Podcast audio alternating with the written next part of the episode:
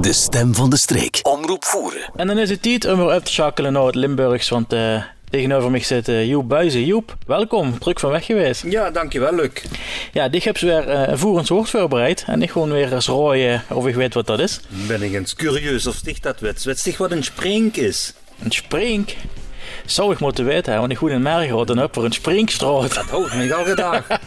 en wetst het? En nooit van overdag, nee, Allee. geen idee. Ja, spring, ja, springen, maar dat zal er wel niet. Een Nee, spring- nee, nee. Gij- Ja, hè, dit gaat met ja. water te Ja, maken. dit On- gaat met- ontspringen van het water. Aan de springen merken, wat is dat? De puthuisken. hè? Ja, precies. Ja, ja, ja. Eh, het is inderdaad een ander woord voor een bron. Een bron, ja.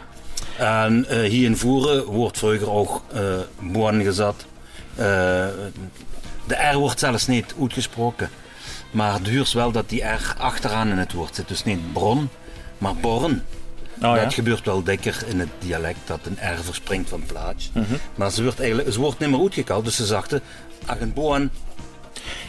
Ja. En zo hebben ze in Remersdaal nog altijd een straat die Born heet, Mhm. officieel. ja, En daar is dus ook de bron, de bron. Ja, duidelijk. de Born. Ja, en ik moet dan weer aan bro- aan Borren denken. Wie, eh, wat is het dan? Wie zit daar in de buurt?